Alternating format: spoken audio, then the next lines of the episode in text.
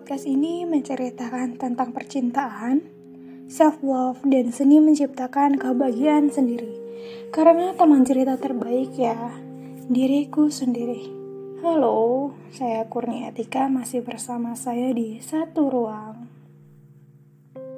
Jadi bagaimana? Sudah mulai bisa sayang ke diri sendiri kan? Makannya udah teratur? Udah nggak begadang lagi kan? Udah nggak nangis tengah malam lagi kan? Overthinkingnya dikurangin lagi ya. Jangan lupa berterima kasih sama diri sendiri.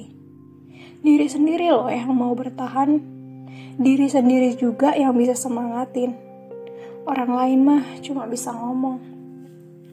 Kalau lagi capek ya tetap aja capek. Butuhnya istirahat, bukan malah didebat. Kadang ya memang cuma butuh didengarin aja tanpa butuh validasi apa pun. Kalau nggak bisa kasih solusi, mending diam. Nggak usah banyak bacot yang kadang malah bikin nambah overthinking. Iya nggak sih? Semenjak lebih sayang ke diri sendiri, aku jadi kayak punya batasan gitu ke orang-orang. Istilah setting boundaries lah kata anak zaman sekarang. Aku jadi tahu siapa yang layak aku jadikan teman bercerita, dan siapa yang harus dijadikan sebagai teman saya aja. Milih teman itu sangat penting untuk kesehatan mental juga tahu. Kamu berhak ninggalin teman yang toksik. Nanti kalau aku nggak sama dia, aku sama siapa? Nanti aku sendirian dong. Aku nggak punya temen dong. Lebih baik ke mana-mana sendiri dan ngelakuin apa-apa sendiri. Kan juga kalau sendiri gak ada yang dirugiin. Kamu berhak bahagia tanpa validasi orang sekitarmu.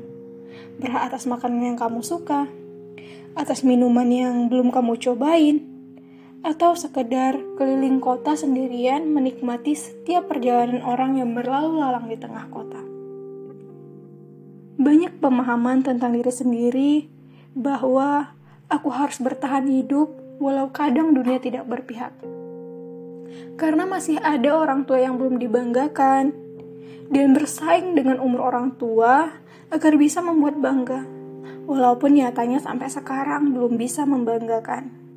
Tapi aku masih berusaha. Masih banyak makanan khas yang belum aku jelajahi, sebatas makanan di pinggir jalan aja. Belum sempat aku coba. Tetap bertahan hidup ya. Jangan lupa untuk sayang ke diri sendiri walaupun kadang lagi nggak baik-baik aja. Oke, segini dulu ceritanya. Nanti kita lanjut cerita lagi ya. See you.